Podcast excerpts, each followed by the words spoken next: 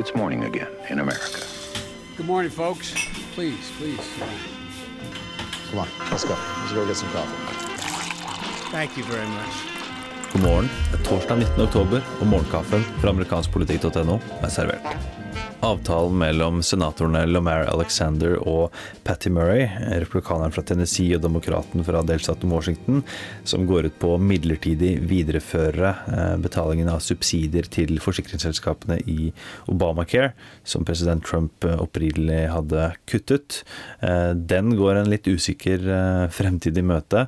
President Trump sa at det var en god start, noe som fikk en del av hans egne til å begynne å lure på om Trump faktisk støtter støttet forslaget til Alexander og, og Murray.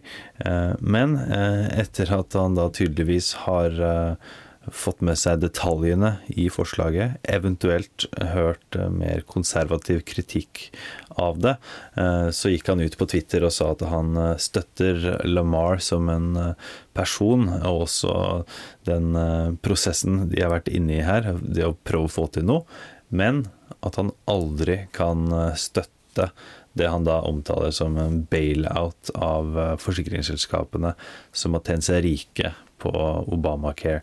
Så en eh, helomvending fra Trump der, som sikkert kan forklares på litt ulike måter. Men eh, første uttalelsen bærer i alle fall preg at han ikke var helt klar over innholdet i denne videreføringen. President Trump har mottatt massiv kritikk for hvordan han har håndtert hendelsen hvor fire amerikanske soldater ble drept i et bakholdsangrep i Niger den 4. oktober. Trump unnlot å kommentere saken i tolv dager, og brøt stillheten først på mandag da han ble spurt om hendelsen. Og han skapte da enda større kontroverser når han løy om at hans forgjengere, med Barack Obama i spissen, sjelden eller aldri ringte familiene til drepte amerikanske soldater. Um, nå er det altså kommet fram at tjenestemenn i Det hvite hus hadde lagd en offisiell kondolanse etter tragedien i Niger, men at de av uvisse grunner aldri ble uttalt eller publisert.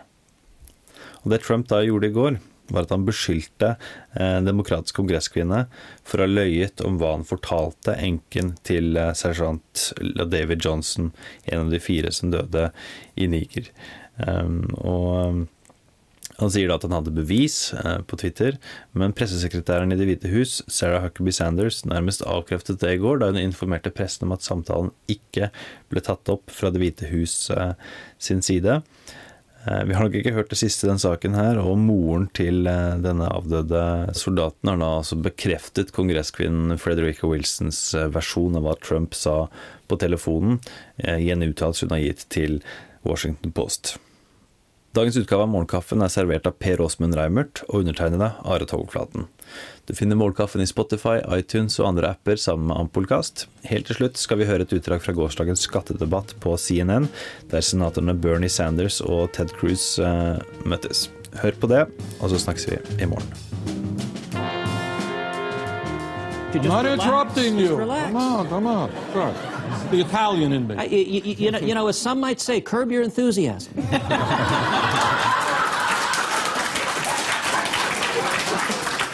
By the way, the impression Larry David does of you is spectacular and, and uncanny. Someday you may also have somebody impersonating uh, you. You gotta, gotta work on it. Ted. You know, all I need is a bunch of left-wing comedy writers to, to, to want to glamorize it. Art. But,